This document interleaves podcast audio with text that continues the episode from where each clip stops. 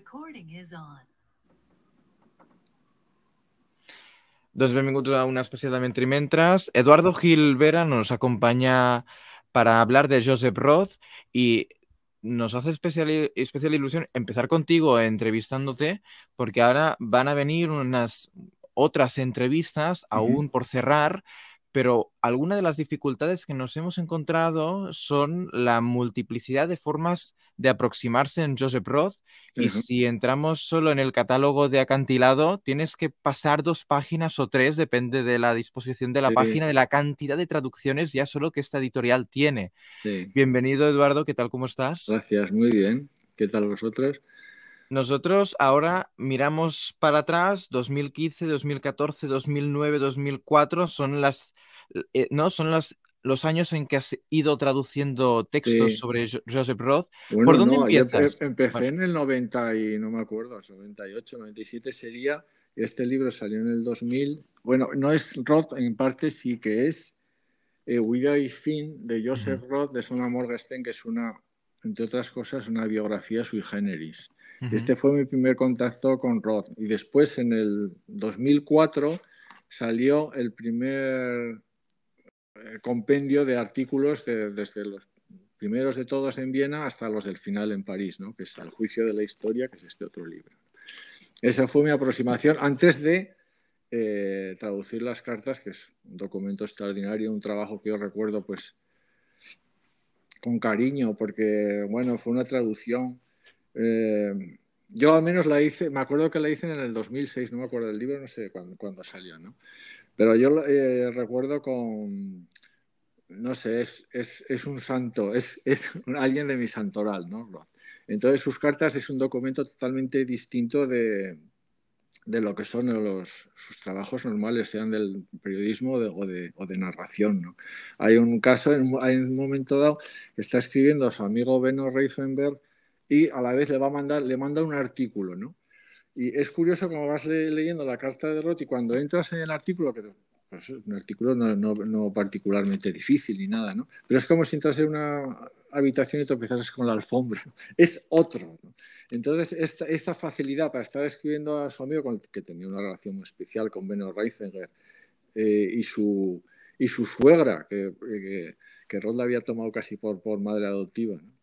y esta forma de, cambiar de registro pues es, una forma también de aproximarte al personaje, al, literato, también muy particular, ¿no? Porque tienes, eh, a mí, yo procuraba mirar este punto, ¿no? Que el lector también sienta que entra en otra habitación y que hay otro suelo, ¿no? Que se pisa de otra manera y se va a otra velocidad. Y esto sucede en el texto de Roth. Esto es fantástico porque a veces siempre que nosotros en Cataluña nos intentamos leer en sí mismo, no tenemos traducciones ni de ensayos ni de las cartas en catalán. Por lo tanto, lo que ha hecho Acantilado en este sentido es también ofrecer al lector eh, catalán en lengua española, ¿no? La posibilidad de este roz pero para nosotros es como que en catalán solo existe el de la narratología, por decirlo así, el de los cuentos. Déjame preguntarte, porque nosotros, si pensamos en cuadernos, dietarios, cartas, a mí me viene a la cabeza Kafka Flaubert. Sí. Pero en Kafka y en Flaubert, eh, si estamos haciendo clase en la universidad, nos dicen, aquí hay, eh, para entenderlo rápidamente, un manual de escritura. ¿En Roth también? Sí, sí, sí. En Roth hay. Roth estudió relativamente, mm, creo que fue un semestre o dos, de germanística, pero era alguien absolutamente estricto con, con, su casa, porque su casa era la lengua alemana. Entonces el alemán para él fue, eh, desde un principio, vamos, eh, pensemos que Roth nació en Brody, que era el extremo, extremo, extremo del, del imperio austrohúngaro. Casualmente tengo un, un atlas de 1888.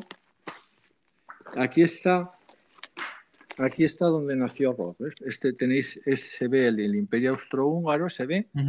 ¿Ves esta esquinica de aquí donde pone Lemberg? En esta esquina nació Roth, en esta.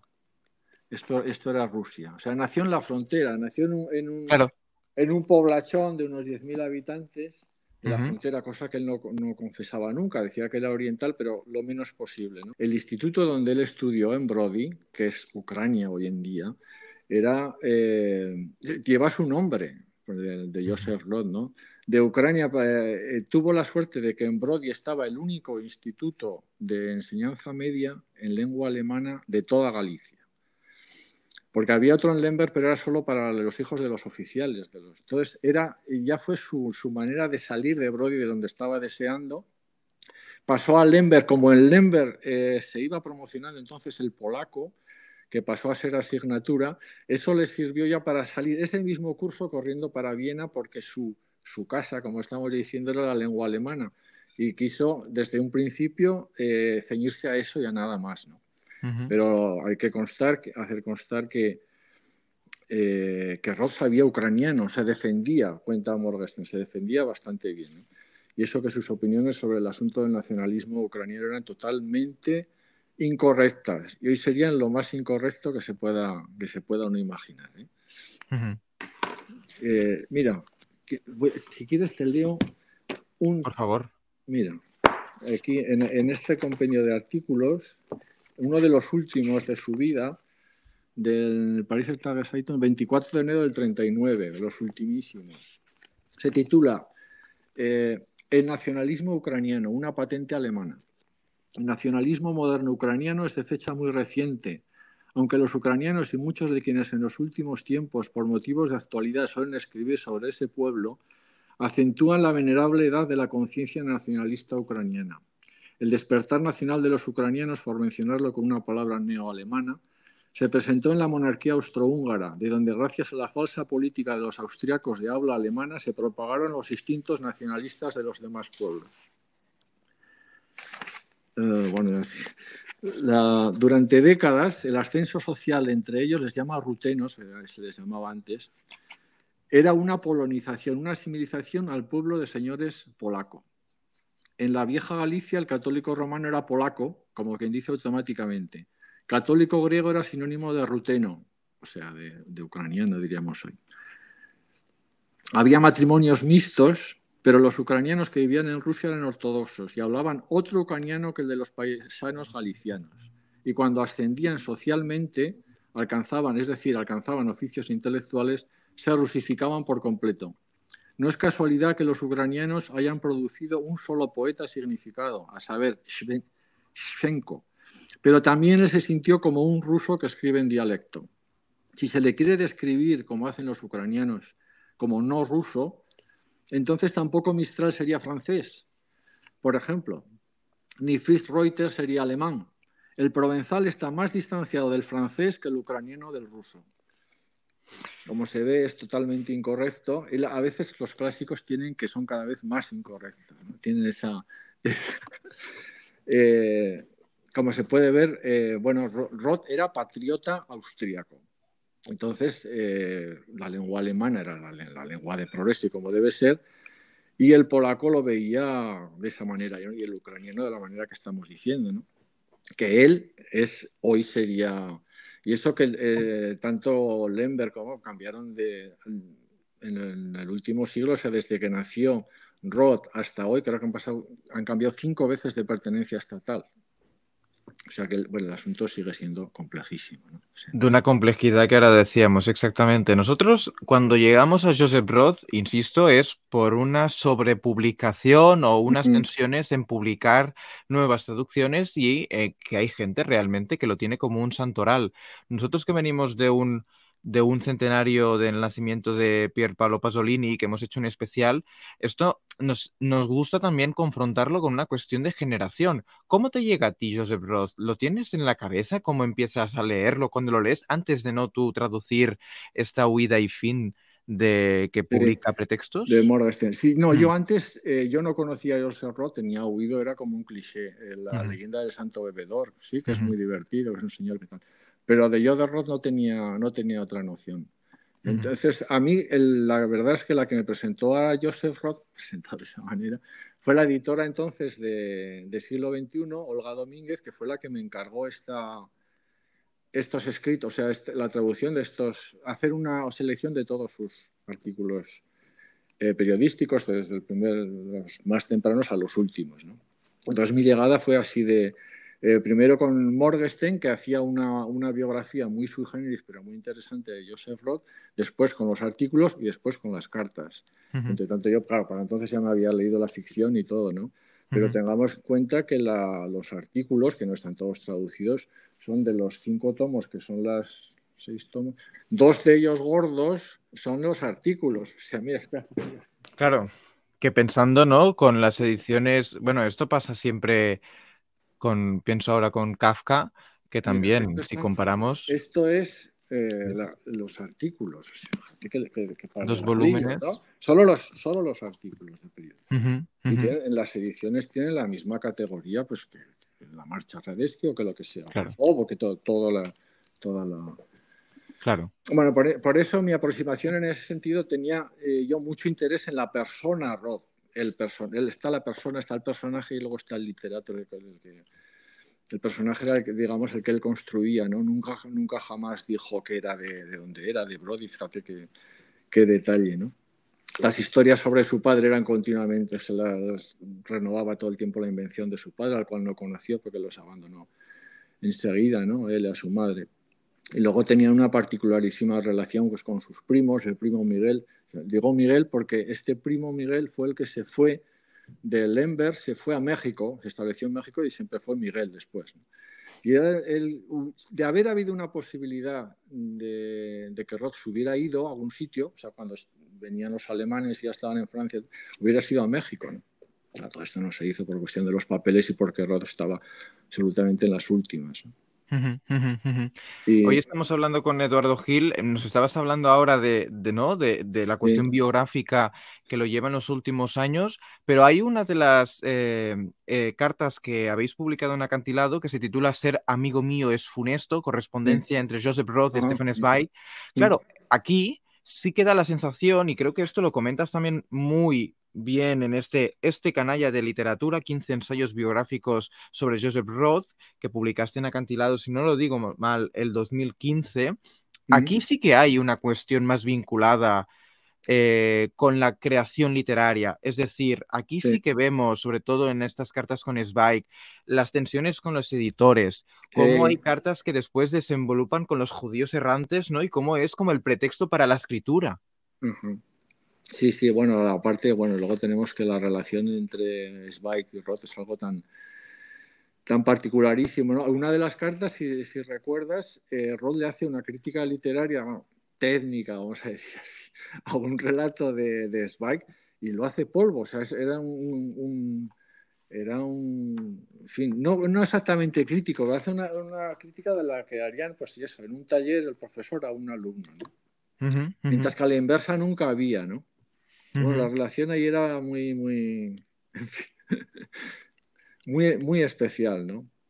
Y luego su, su, visión del mundo. Hay una carta, estoy recordando así, así abuela pluma, hay una carta donde eh, eh, Zweig, que ha hecho para Roth poco menos que de agente, la ha presentado a un editor americano y tal. Y, y, como Roth siempre estaba en las últimas y de esa manera, ¿no? Pues se le iba a mandar telegramas y tal pidiendo su anticipo y liándose malamente con el editor, ¿no? Y entonces Zweig le explica, si usted hace esto, o sea, si un editor recibe, eh, eh, yo le digo, a un, autor genial, un autor genial, debe usted publicarlo y tal. Cuando el primer contacto que hace con ese autor recibe un anticipo de alguien, o sea, un telegrama urgiéndole que le dé el anticipo, acto seguido deja de creer, porque es, que es así, es matemático, no importa que él crea con todas las fuerzas que es un maravilloso, le haya convencido Zweig. En cuanto recibe ese, el, mundo es así, ¿no? En cuanto recibe alguien que se la balanza pidiendo el anticipo, alguien que sea tan genial no necesitará el anticipo para vivir, para sobrevivir, y se, viene abajo como un suflé, ¿no? Estas, este, este, estas conversaciones que van a lo largo de toda la correspondencia entre Zweig y Roth, se ve la imposibilidad de entenderse en este punto que es así de, así de fácil, pero o, eres eh, un lado o eres el otro, ¿no? Y es así de trágico y de... En, la relación entre ellos, bueno, que es una, gran parte, de hecho hay un, el volumen ese está dedicado a la, a la, correspondencia entre ellos, ¿no? Es todo un mundo. Es significativo que Zweig no mencione a Roth en el mundo de ayer, pero en la carta de despedida a su mujer, a Frida, a su Frederique, sí que lo menciona, y no de cualquier manera, poco menos que es, Roth es un, es un santo, es, es el que ha pasado antes y tenemos que, que seguir su ejemplo, ¿no? Pienso también en, en, la elaboración del anticristo, que también tiene sí. mucho a ver el, el Zweig en esto. Sí, la, la, en, el, en, el, anticristo lo que sucede es que, digamos, Roth se enfrenta al hecho de ser de Brody, así, eh, así de fácil, ¿no? O sea, ser un judío oriental muy pobre.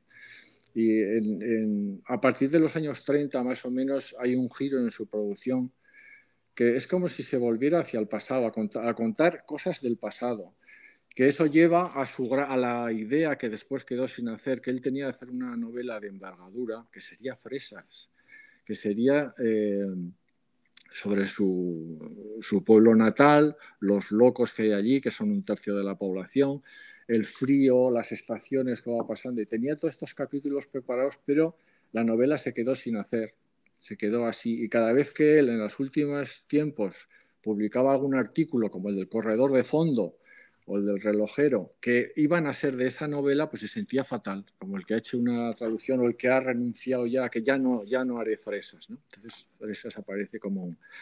Y es curioso este, esta diferencia entre Roth y también, porque Zweig, a su modo, tenía el complejo de no haber hecho un novelón, un, un, talabarte de estos gordos, largos, importante, ¿no? Un Ulises, yo qué sé. Tenía ese, la más lo reconoce así, en el, porque es, en el mundo de ayer es un verdadero striptease, ¿no? El hombre reconoce eh, con humildad, su, porque es un coleccionista de admiraciones, ¿no? reconoce que, esa novela que no la hizo, pero sí la hizo, su novela es El mundo de ayer precisamente, hizo la gran novela de envergadura. ¿no? Esta situación invertida de, de Roth, que pensaba hacer su gran novela de envergadura, pero que no la pudo hacer, y la de Zweig, que pensaba que nunca lo hizo ni la haría, pero sí que la hizo. ¿no? Esto es muy interesante lo que estabas diciendo ahora. Has, has eh, hecho un pequeño comentario que eran eh, el tema de, evidentemente, del judaísmo. El judaísmo aparece también en alguno de los epílagos, en, las, en los comentarios, eh, es lo típico también que se puede comentar, pero te hago la pregunta un poco a la inversa. Cuando ahora, por ejemplo, viene Claudio Magris y se acerca, se acerca por ahí, ¿no? Mayoritariamente. Sí, sí. Y además Magris lo compara con toda una tradición en yiddish en parte, en parte en alemán, de los que escribían sobre esas pequeñas ciudades como Brody, ¿no? que precisamente es ese, novel, ese, ese modelo. ¿no? Pero la relación con el de Roth, con el judaísmo, era, vamos a tener en cuenta que su padre, del que no supo enseguida, porque enseguida se los, abandonó, se gastó la dote y los, se gastó, bueno, invirtió la dote mal, vamos a decir así, salió mal y ya no tuvo valor para volver, además se volvió loco y finalmente se suicidó. Y Roth no lo supo hasta, yo creo que no lo supo con certeza que se había suicidado hasta el año 17 o así, que fue la vez que se emborrachó hasta perder el sentido, no, no la sensibilidad. Y esta, esta relación, porque se supone que el padre de Roth estuvo durante ese tiempo eh, en una especie de, de, estado místico que tenía, que, se sentía profeta, que era particularmente especial. Entonces la relación tanto con la ortodoxia como en el resto de las religiones, porque también vendió la especie de que se había bautizado, quién sabe si lo hice, yo que sé. Y a última hora en su, en, en su funeral se oficiaron todos los, todos los ritos a la vez. O sea, eh, los judíos cantaron, los, los, ortodoxos cantaron, pues también había una delegación católica y esto, todos a la vez, ¿no? Y los, y los monárquicos y, y, todos, ¿no? Y hasta la que hacía de viuda, ¿no? La señora Mangabel, que hizo de viuda entonces porque llevaban ya tres años separados, ¿no? Y se apropió del show, como cuenta Morgenstern muy bien, ¿no? Y claro, su, su relación con el, con el judaísmo ortodoxo, que, bueno, eh, particularmente en Job tenemos un, modelo de, de, adoración, ¿no? Pues eh, era así de, así de difícil, ¿no? Eh, por el asunto de su padre, con el cual nunca, nunca enfocó de cara porque era un asunto tan... Y él siempre temió heredar la locura del padre, ¿no? Entonces cuando su mujer efectivamente se volvió loca, pues se sentía archiculpable, se sentía el transmisor de la, de la locura. Se le está esbaiticiando, ¿no? Hay una, un proceso de coger lo que se ha hecho con Spike editorialmente, Sí. colocarlo en un espacio, no sé si muy accesible, pero como muy edu- edulcorado, muy bien presentado. Y, y si eso es posible hacer con lo... Bueno, la, la obra narrativa de, de Roth es perfectamente vigente, siempre lo será, es un- uno de los grandes na- narradores de la lengua alemana. Eh, los artículos son grandes obras literarias también. Lo que pasa es que muchos de ellos pues, pueden ser más o menos incidentales en determinado punto y no tener, no, no tener esa validez, pero bueno, también. ¿no? La había creado un mundo hasta el extremo. Una, una de las anécdotas más graciosas que, que encontré yo desde el principio, siempre me hizo mucha gracia, es cuando el primo Miguel, este que hemos dicho, el que se fue a, a México, cuando él fue, de eh, fue a casa de los primos, eran los que habían casado a su madre y se sentían tan culpables porque todo salió tan mal. Y estos tíos, hermanos de su madre mayores, pues lo acogieron y mientras estuvo en Lemberg estuvo en muchísima relación con los, con los primos. ¿no? Entonces este primo Miguel, que siempre lo veía escribiendo, era un poco más joven, pues le preguntaba, al, a, le llamaban Mu, Muniu, eh, que era un diminutivo de Moisés, que después Moisés lo dejó de poner en la firma y en todo, y solo Joseph. ¿no? Decía, Mu, primo Mu, ¿por qué escribes? El otro era mucho más crío. ¿Por qué escribes tanto? Siempre estás escribiendo. Entonces Rod le dijo, para que llegue la primavera. Fíjate que era sentir que estaba escribiendo para que el orden cósmico, las estaciones, el, amor, la vida, los ríos, todo siga su curso y él tenía que escribir. Esta es una forma real de crear un, un universo él, ¿no? Desde un principio muchos de los personajes son él, pero otros muchos de los personajes son sus tíos, particularmente, bueno, Perlefter, todos, el, que es el, el típico filis, el burgués un poco filisteo, pues suele ser su tío, ¿no? Y otras son sus primas, con las que tuvo un, una, una, relación particularísima, ¿no? Sobre todo la prima Paula. La prima Paula le decía, ponte dientes. No tenía, los dientes tenía hechos una calamidad. Entonces llevaba el, el bigote eslovaco que él decía, eh, también para tapar el espectáculo, ¿no? Y la prima decía, ponte dientes, ponte dientes, yo te los pago. Y decía Rodón, si le dejo que me pague la dentadura, después una parte mía le pertenecerá, ¿no? Entonces no, no se dejaba, ¿no? Cosa que razonaba muy bien, ¿no?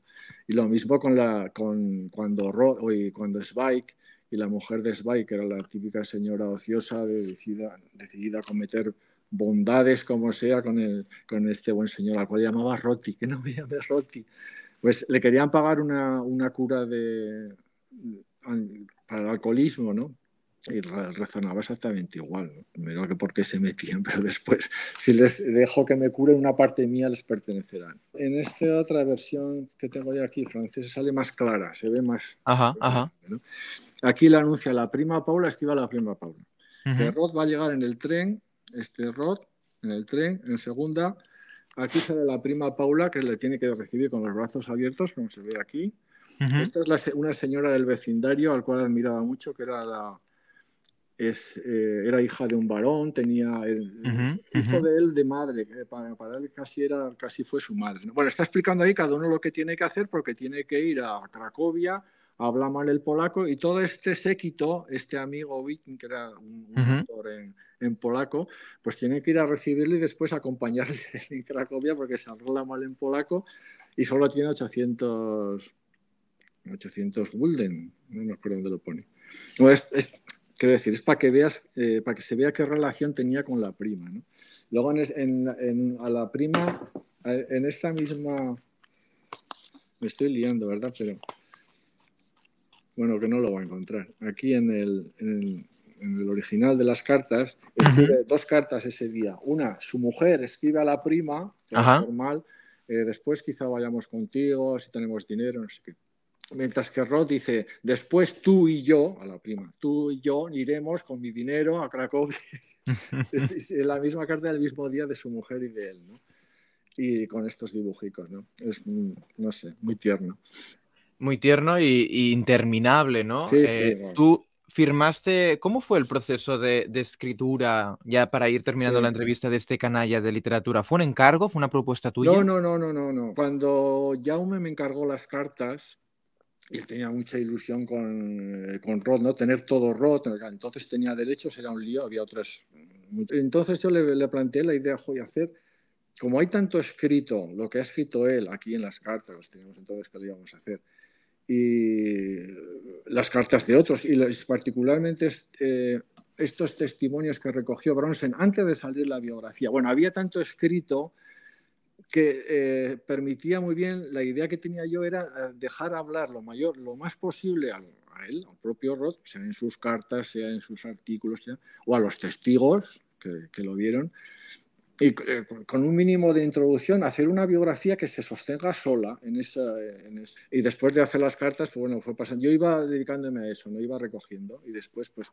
pues así, así fue el origen del, de esta canalla de literatura, que es una, una expresión que emplea él cuando habla con Schikelek, un amigo suyo alsaciano, pero de expresión alemana. Cuando tiene la primera crisis que sabe que su mujer se ha vuelto loca, y le hace esa confidencia a Schickele. ¿no? El Roth era un, alguien que hacía eh, confidencias, mm, pero te hacía una vez en la vida de ese y no volvía a hablar del asunto. Entonces, como su, público era tan variado, pues lo mismo le decía a su traductora francesa determinada cosa, que él era muy pobre de origen o lo que sea, bueno, y de eso se reconstruía el personaje. ¿no? Pero él, esas confidencias de, o estoy haciendo tal novela, que le decía esta señora que ha salido aquí de, de Lemberg, oh, solo a ella le dijo primera vez que estaba escribiendo no sé qué. Entonces salen este tipo de confidencias así repartidas, pero no tenía alguien a quien le dijese todas las cosas. ¿no? Habiendo también en este eh, texto de este canalla de literatura una parte que se llama la serie de artículos sobre Barcelona, que también sorprende, ¿no? El relato que crea él a partir de una noticia que ha recibido. Ah, aquí está. Mira, esta, esta, esto es el último artículo de Roth que salió el día de su entierro, salió en el, periódico, y es sobre Barcelona. No se publicó, solo salió esto en el periódico, que es la segunda, porque es la segunda página, y no se publicó, ¿no? Y entonces es, eh, mira, aquí pone Barcelona, ¿ves? Aquí abajo, aquí pone Barcelona. Y es cuando, cuando cayó Barcelona, y le sentó tan mal. O sea, fue el. Ernest Toller por entonces se suicidó. Mm, quizá por lo de Barcelona no fue lo de Barcelona, yo, yo, creo que fue uno de los, fue un gran mazazo para todos. ¿no? Y, el suicidio de Ernest Toller le sentó a, Roth pues, pues, como un tiro prácticamente, porque ahí se derrumbó y murió él también después. ¿no? Y bueno, Zweig también habla de, pero aquí se debe Zweig Victis, pobre de los vencidos. se debía titular eh, probablemente el artículo va de Victis, o sea, hay, de los vencidos, que habían entrado en Barcelona y, y Goering, bueno, no, no, Goering no, sería Goebbels. Y Goebbels lo celebró en Berlín y tal cual, por eso repite, va de Victis, va de Victis, esta es la firma. Es el último, y lo tengo aquí como si fuera un santo, ¿no? Es la última, el último escrito de Roth y habla de Barcelona. Y por eso, bueno, luego sale lo de la historia esta del payaso, Sí. Que anduvo Arcadi buscando a ver si encontraba a alguien que saliese en la, en la foto, que hubiese conocido al payaso, quién era el payaso, pero no, no condujo a nada, no se, no se encontró nada, no, no, sé. Pero sí, Barcelona fue un, era una referencia para ellos. Entonces la caída de Barcelona fue terrible, o sea, no sé, era como hablar hoy de la caída de Kiev, o sea, era, fue horroroso, a todos les, les sentó, fue muy deprimente para todos. Ha sido un placer, Eduardo, poder hablar con tanto tiempo de todos estos volúmenes rostianos que tenemos encima y que algunos nos faltan, como el que has hablado del siglo XXI. Será un placer eh, continuar esta ronda de entrevistas y cuando lo tengamos todo, podértelo enseñar y comentarlo también con calma, decir, mira, todo lo que hemos encontrado, las lecturas posibles, las apropiaciones y las también opciones que da Roth a 2022 y con un contexto también un poco hostil al que estamos viviendo. muchas gracias, Eduardo, y espero que estés y con mucha salud y, y nada, y con ganas de volvernos a encontrar. Muy bien, un abrazo, hasta otra ocasión, gracias.